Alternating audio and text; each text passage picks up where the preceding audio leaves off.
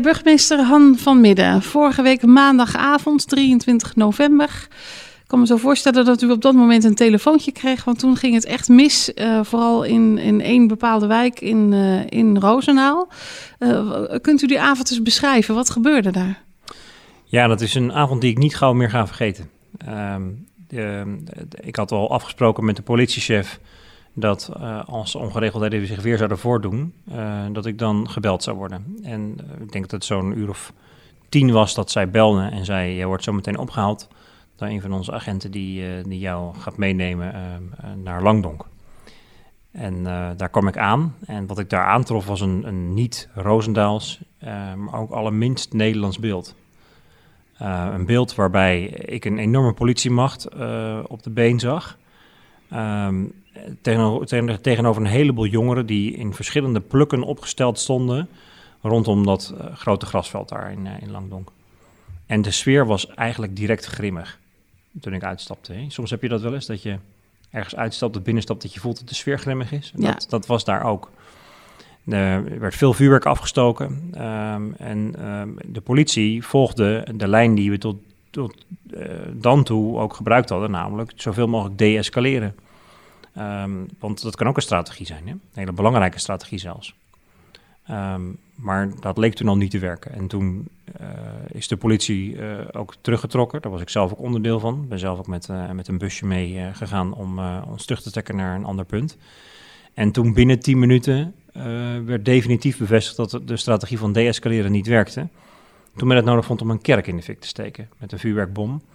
Een kerk waar notabene nog een oude parochiewoning aan vastzit. Hè? Dus één deurtje tussen, één muurtje en een deurtje ertussen. Waar um, een, um, een, stel met twee kinderen uh, verbleef. En dat moment dat ik terugkwam, dat we tussen uh, de Goede Herderkerk en de flat liepen... en de mensen die op die balkon stonden ja, te schreeuwen, terecht ook, echt terecht van niemand doet iets en de politie doet niets. En uh, ik denk dat de meeste mensen niet hoorden dat ik er ook tussen liep. En die angstige mensen uit die, uit die kerk, dat was voor mij echt een punt. Oké, okay, en nu is, nu is het klaar. Nu is de maat echt 100% vol. Ja, sommige media noemden het een, een oorlogsgebied. Uh, Heeft u ook dat gevoel als u op dat moment terugkijkt? Ik uh, leef in de gelukkige omstandigheid dat ik nooit oorlog heb meegemaakt. Uh, ik heb wel beelden gezien van CNN, met name.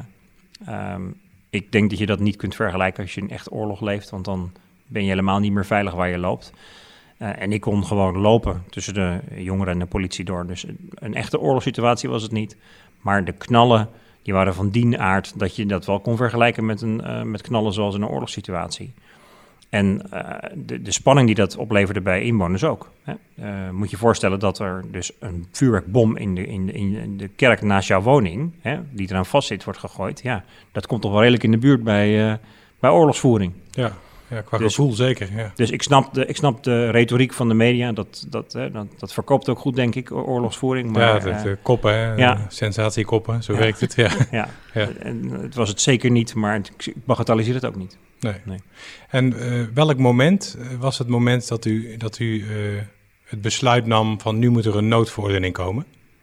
Nou, dat is. Um, uh, gevaar, het gevaar is natuurlijk heel technisch geantwoorden, dus ik probeer het heel, heel kort uit te leggen. De een noodverordening is een van de allerzwaarste maatregelen die je kunt treffen als burgemeester. Want je beperkt eigenlijk een aantal van onze fundamentele vrijheden. Je beperkt een willekeurig iemand zonder een doel om ergens zo naartoe te gaan. En dat is nou juist een van onze vrijheden. Dat we gewoon altijd mogen gaan en staan uh, waar we willen. Dus ook bij mijn burgemeesterstraining in het begin en ook in de trainingen die ik tussendoor krijg, wordt ook stilgestaan bij dit soort maatregelen als een maatregel die je echt in zeer uitzonderlijke gevallen neemt. En eigenlijk heeft de wetgever ons twee dingen meegegeven die dezelfde wetgever ook aan de officier van justitie meegeeft. En dat zijn de toets van proportionaliteit en de toets van subsidiariteit. En de toets van proportionaliteit houdt in, uh, is het wel een middel dat ook past bij, uh, uh, hè, bij, bij, de, bij de kwaal, bij de oorzaak. En subsidiair vra vraagt de wetgever ons om te denken of er niet andere middelen eerder en beter ingezet kunnen worden. Dus voordat je escaleert naar het meest zware middel, ehm, kijk je eerst naar lichtere middelen. Dus die, die maandagavond in Langdonk besloot ik, ik wil maatregelen. Punt. En ik ga er alles aan doen om dit te keren. Dus we hebben op dinsdag met man en macht gewerkt hier om een samenscholingsverbod, uh, wat al in onze APV zit, uh, te activeren. Plus uh, de mogelijkheid om fouilleren in te stellen. En daarbij zijn we een aantal maatregelen gaan onderzoeken die in mijn bevoegdheid liggen, maar die je wel moet nemen met de juiste basis en de juiste argumentatie. Want als je die niet doet, dan gaat een, kan een burger bezwaar maken en dan wordt een maatregel verworpen. Dat wil je natuurlijk absoluut niet, helemaal niet als je in zo'n crisis zit. Um, dus we zijn begonnen met dat samenscholingsverbod, uh, met fouilleren. En ondertussen werkten we al door aan het instellen van een noodverordening. Uh, ik heb diezelfde avond, dinsdagavond, toen het misging, een noodbevel afgegeven. Wat eigenlijk conform een noodverordening is, alleen dan tijdelijk voor een speciale groep. Dus dat kan ik gewoon met de, met de hoe heet het, bij woord kan ik dat doen aan de telefoon. En de volgende ochtend een noodverordening. En ondertussen werkten we door aan, uh, aan dingen als een veiligheidsrisicogebied, dus het gebied uh, Langdonk en Kalsdonk uh, op dit moment. Dat blijft ook zo voorlopig. Waarbij de officier binnen een paar minuten preventief fouilleren kan, kan instellen. Dat blijft gewoon overeind. Maar zo'n maatregel is zo zwaarwegend. je gaat iemands privacy zodanig aantasten door hem preventief te kunnen fouilleren, dat het het aantal toetsmomenten door moet. En daar kun je dus niet zomaar inzetten. En, en, op het moment dat u um, uh, die wijken op slot uh, gooide, zeg maar, hè, uh, dat ging om vier wijken. Mm-hmm. toen leek het daar wat rustiger te worden, maar verplaatste het vervolgens naar een andere wijk. zag u dat aankomen? Hield u daar rekening mee al? Wij hebben met alles rekening gehouden. Echt met alles. kijk, die noodverordening in die eerste vier wijken hebben we daar ingesteld omdat daar de meeste basis voor onrust was. En die basis die lag in feiten. Uh, informatie die we hebben, feiten van uh, activiteiten, dus een, vuurwerkoverlast op straat, uh, enzovoort, enzovoort. Um, maar ook feiten over het aantal mensen dat van buiten kwam. Want op een gegeven ogenblik was het niet meer Roosendaal die bezig was met Roosendaal, maar was het heel Nederland die bezig was met Roosendaal. En er waren een aantal lieden onderweg naar Roosendaal die we hier helemaal niet willen. En dat zag je ook in de, in de eerste cijfers van aanhoudingen bij de noodverordening op woensdag. Je zag dat meer dan de helft van, eh, uit, afkomstig was van buiten Roosendaal. En dat was heel tekenend. Um, dus die noodverordening werkte uitstekend in die vier gebieden. Wat je wel zag, is dat een deel van de incidenten, van de vervelende incidenten, naar Kortendijk verschoof. En dat begon met een autobrand. Uh, een autobrand die vervolgens ook een andere auto vlam vatte, waardoor een aantal auto's schade opleverde. Dat is ongelooflijk vervelend en ook invasief in levens van mensen. Ja, je zou maar mm, s ochtends buiten komen en je auto zat in de fik of s'avonds je auto zien afbranden. Dat is verschrikkelijk. Uh, er zijn een aantal uh, objecten in de fik gegaan, zoals een bouwkeet en een, uh, een, jongerenhuisje. Um, is heel kwalijk, maar het was niet van de orde en de proporties wat we in Langdonk en in Kalsdonk hebben gezien. Dus toen ik uiteindelijk indicaties kreeg in het weekend dat Kortendijk ook echt een probleemgebied zou gaan worden, toen heb ik ook direct gezegd en nu een noodverordening voor het vijfde gebied. En u, u kunt zelf dit soort maatregelen nemen. U hoeft dat niet eerst nog voor te leggen aan uh, provincie of uh, landelijk? Of... Ja, de noodverordening stel je in. Dat betekent dat is een eigenstandige bevoegdheid, maar die wordt wel getoetst door de commissaris van de Koning. Dus de commissaris van de Koning kijkt mee. Dat doet hij vaak in een periode van 24 uur. Ja. Um, en uh, als die dan niet correct wordt bevonden, dan vindt er telefoonverkeer plaats, enzovoort, enzovoort.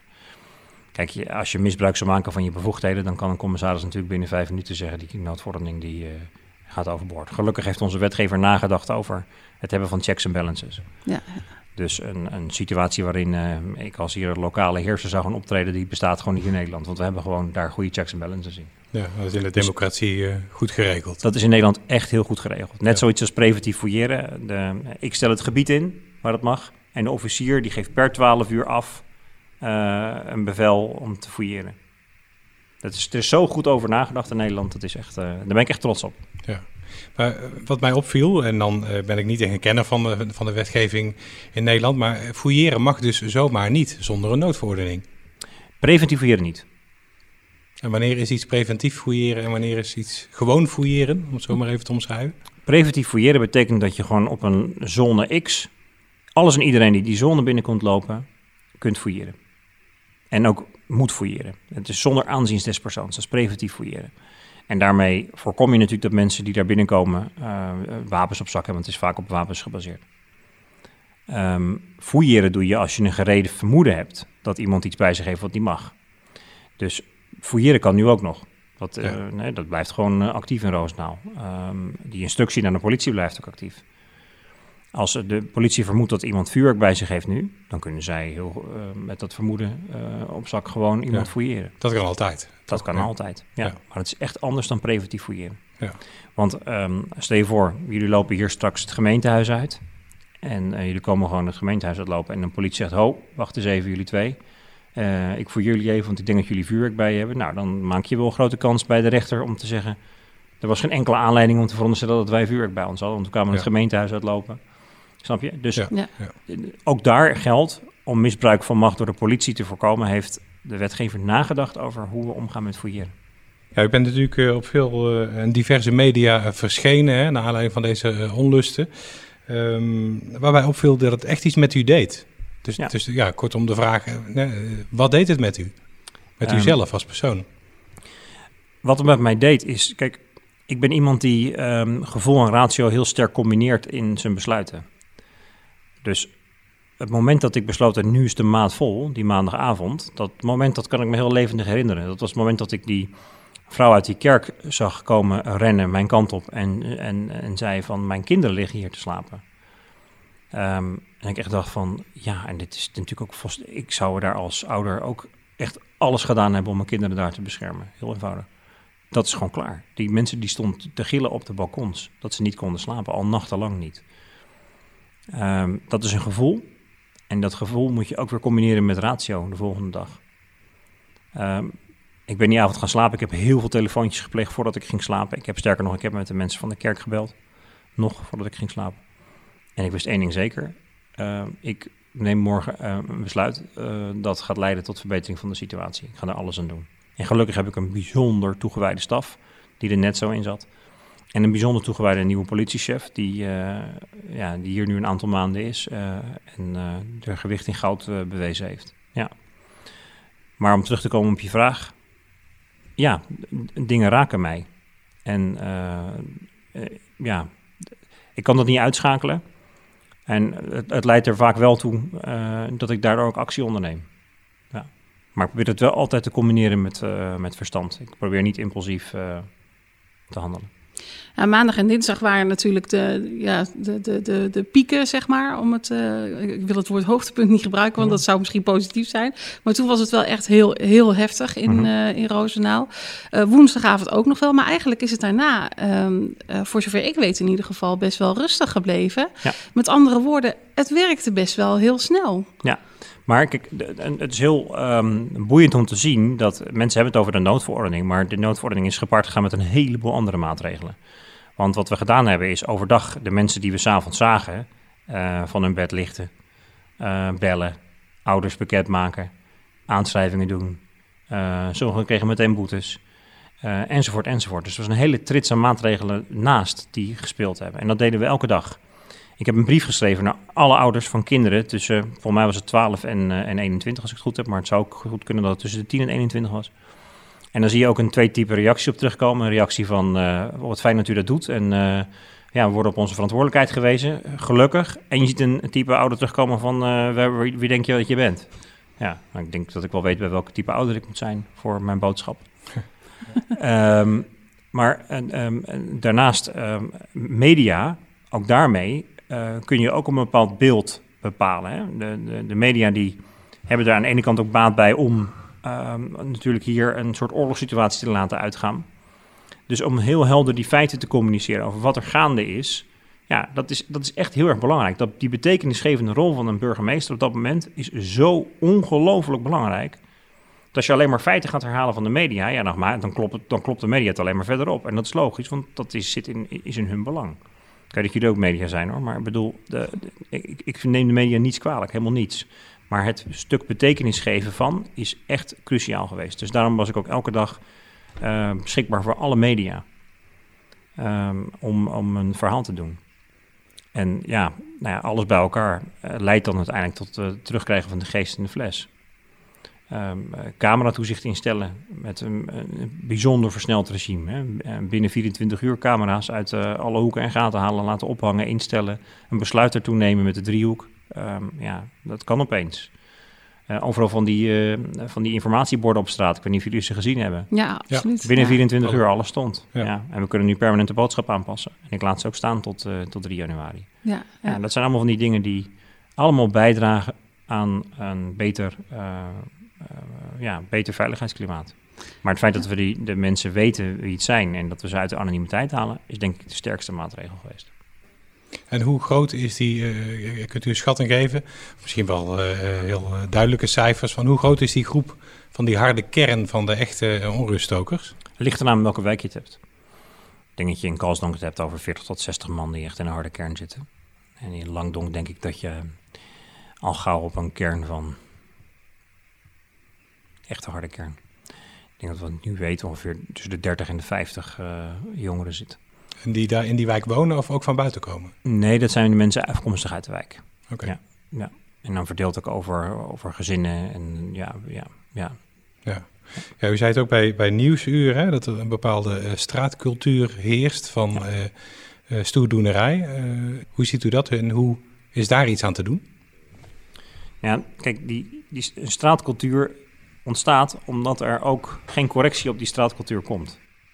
En ik denk dat wij in Nederland uh, ook echt iets fundamenteel moeten gaan nadenken over de vrijheden die we hebben en de manier hoe we die bewaken. Um, ik ben echt heel trots op ons politieapparaat, want het is niet makkelijk om politie te zijn in deze tijd. Hè. Wat je doet, alles wordt direct gefilmd. Uh, je wordt voor alles uitgemaakt. Ja. Ze mogen echt heel weinig, als je kijkt naar het feit dat zij verantwoordelijk zijn voor de openbare orde. Uh, bij het minste of geringste wordt er in de Tweede Kamer een debat aangevraagd als er iets misgaat. Alles wat goed gaat, daar hoor je de Tweede Kamer nooit over. Dus je ziet ook een politieapparaat dat steeds verder gedwongen wordt om met alles rekening te houden. Ze moeten nog net niet start-stop formulieren invullen, want dat scheelde ook heel weinig in, uh, in, uh, in een discussie. Um, moeten met alles rekening houden. Bij het minste of geringste worden ze beschuldigd van etnisch profileren of een andere vorm van profileren die negatief wordt uitgelegd. En tegelijkertijd moeten ze ook die orde handhaven. En hoe lastig is dat wel niet? Hè? En daar krijg je ook een situatie van dat, een, dat, dat de blauwe macht, want dat zijn ze, um, geneigd is om eerst te kijken, laten we nou zoveel mogelijk deescaleren. Terwijl soms misschien ook gewoon beter is om meteen even lik op stuk te geven. En in een wijk als Kalsdonk bijvoorbeeld, denk ik dat uh, er, er, heel lang geprobeerd is in combinatie met uh, jongerenwerk, opbouwwerk uh, en de politie om zoveel mogelijk die de-escalatie te zoeken en zoveel mogelijk de harmonie te blijven bewaken. Maar daardoor is wel een stuk wetteloosheid ontstaan. En um, die wetteloosheid mag je nooit en ten nimmer goedkeuren. Echt niet. En dan ben je mij ook echt aan het verkeerde adres. Totaal aan het verkeerde adres.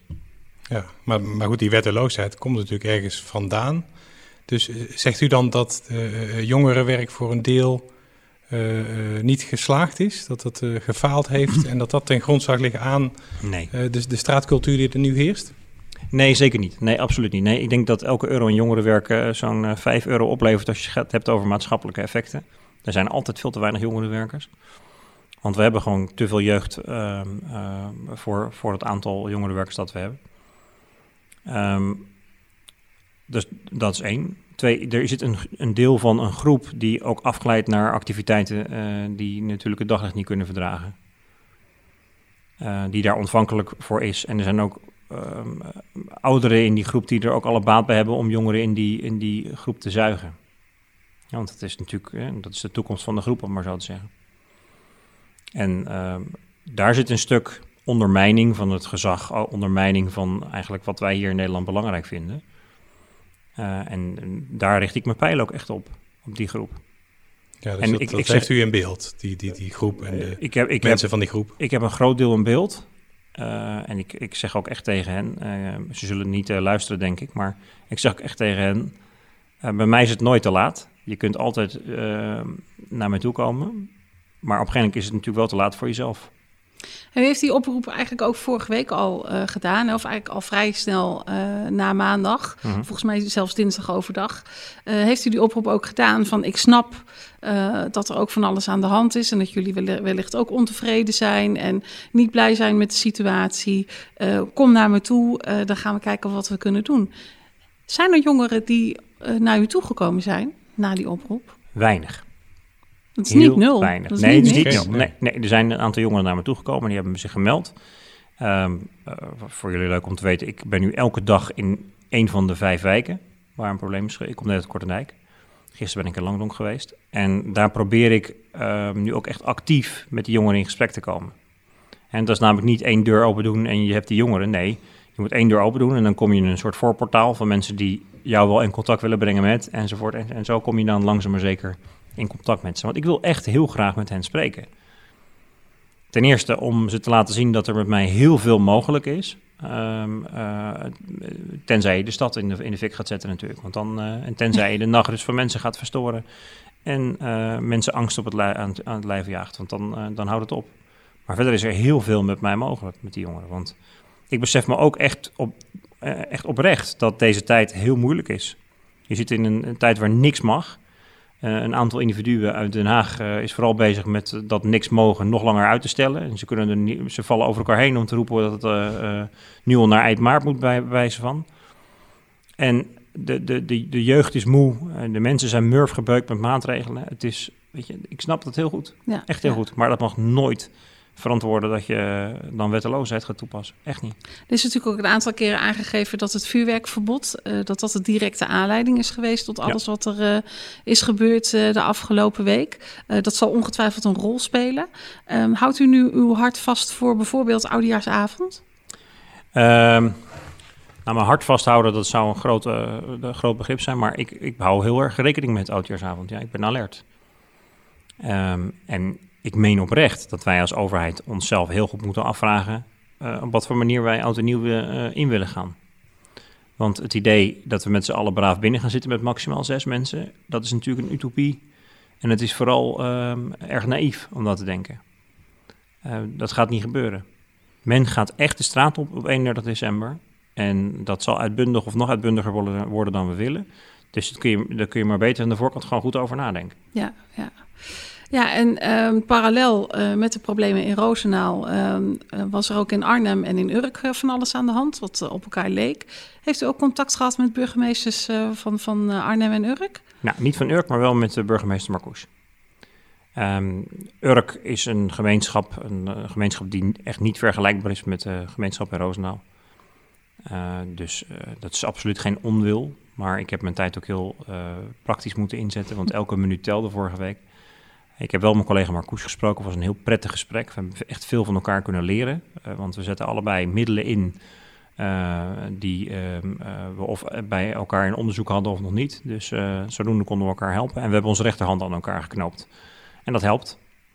En hetzelfde als dat ik bijna elke avond gebeld heb met mijn collega's De Pla en Weterings van Breda en Tilburg. Want wij zijn met z'n drieën de drie districtvoorzitters van dit, dit gebied van Midden-West-Brabant.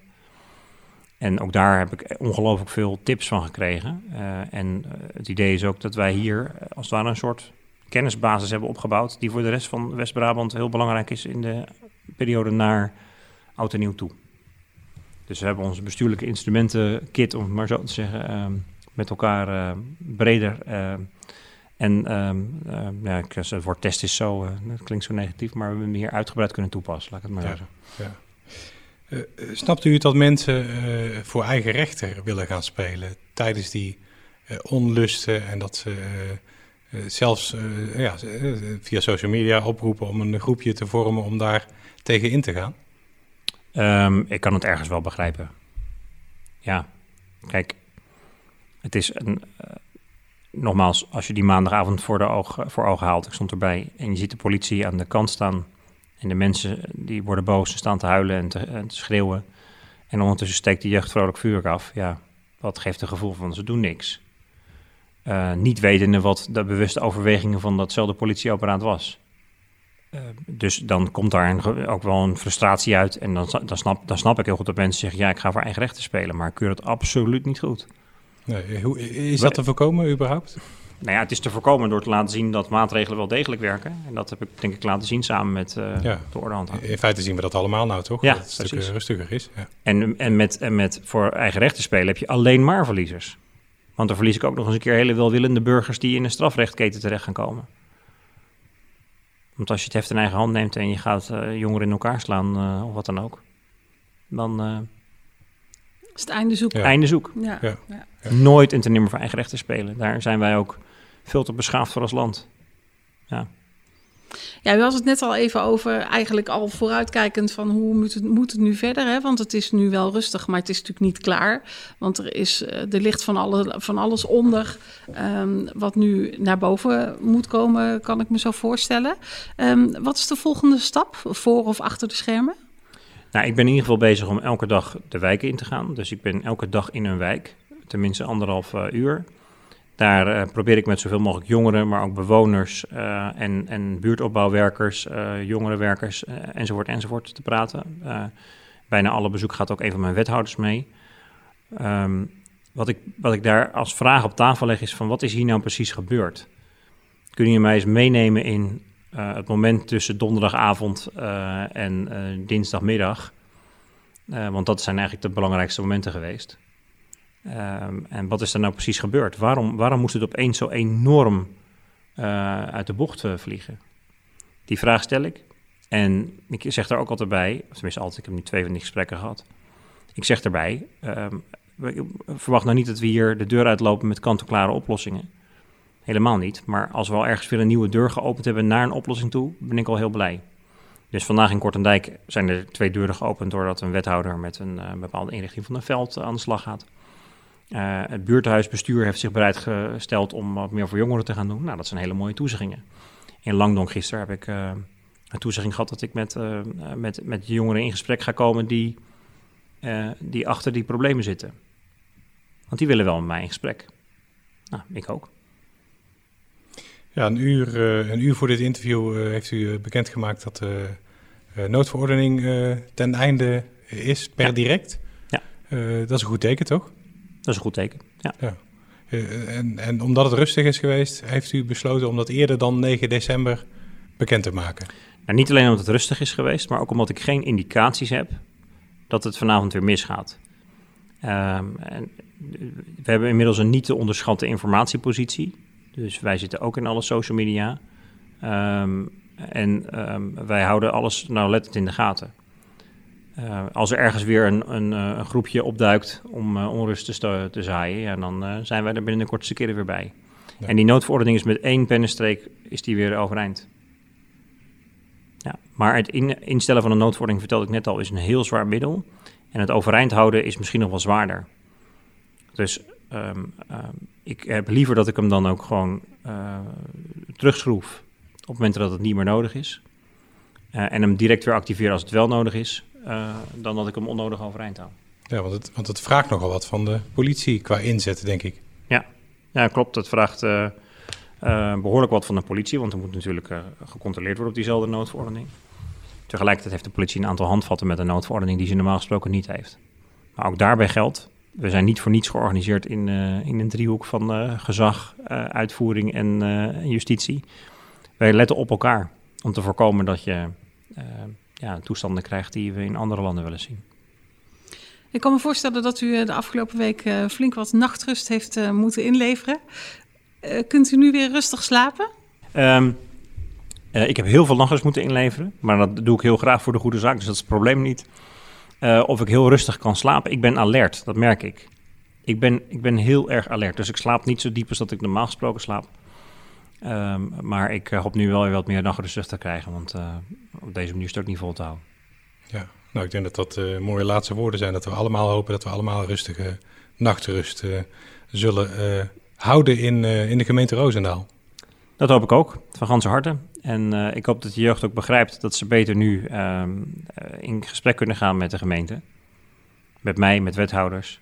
Um, en dat ze daarmee veel meer kunnen bereiken dan even drie weken, vier weken kortstondig vuurwerklol met een heleboel ellende en mogelijk een strafblad aan je broek. Ja, en die oproep die blijft uh, overeind staan, begrijp ik. Dus ze mogen die blijft altijd, 100% overeind staan. Ja, de mensen die echt moedwillig de boel verzieken, die, die, kunnen, die komen mij tegen. En de mensen die echt iets meer willen, of die denken, nou, ik vind het wel leuk om mee te lopen, maar eigenlijk vond ik het toch niet zo leuk. Uh, ik, ik schaam me eigenlijk wel een beetje. Meld je bij mij, in vredesnaam. Oké, okay, dank u wel. Graag gedaan.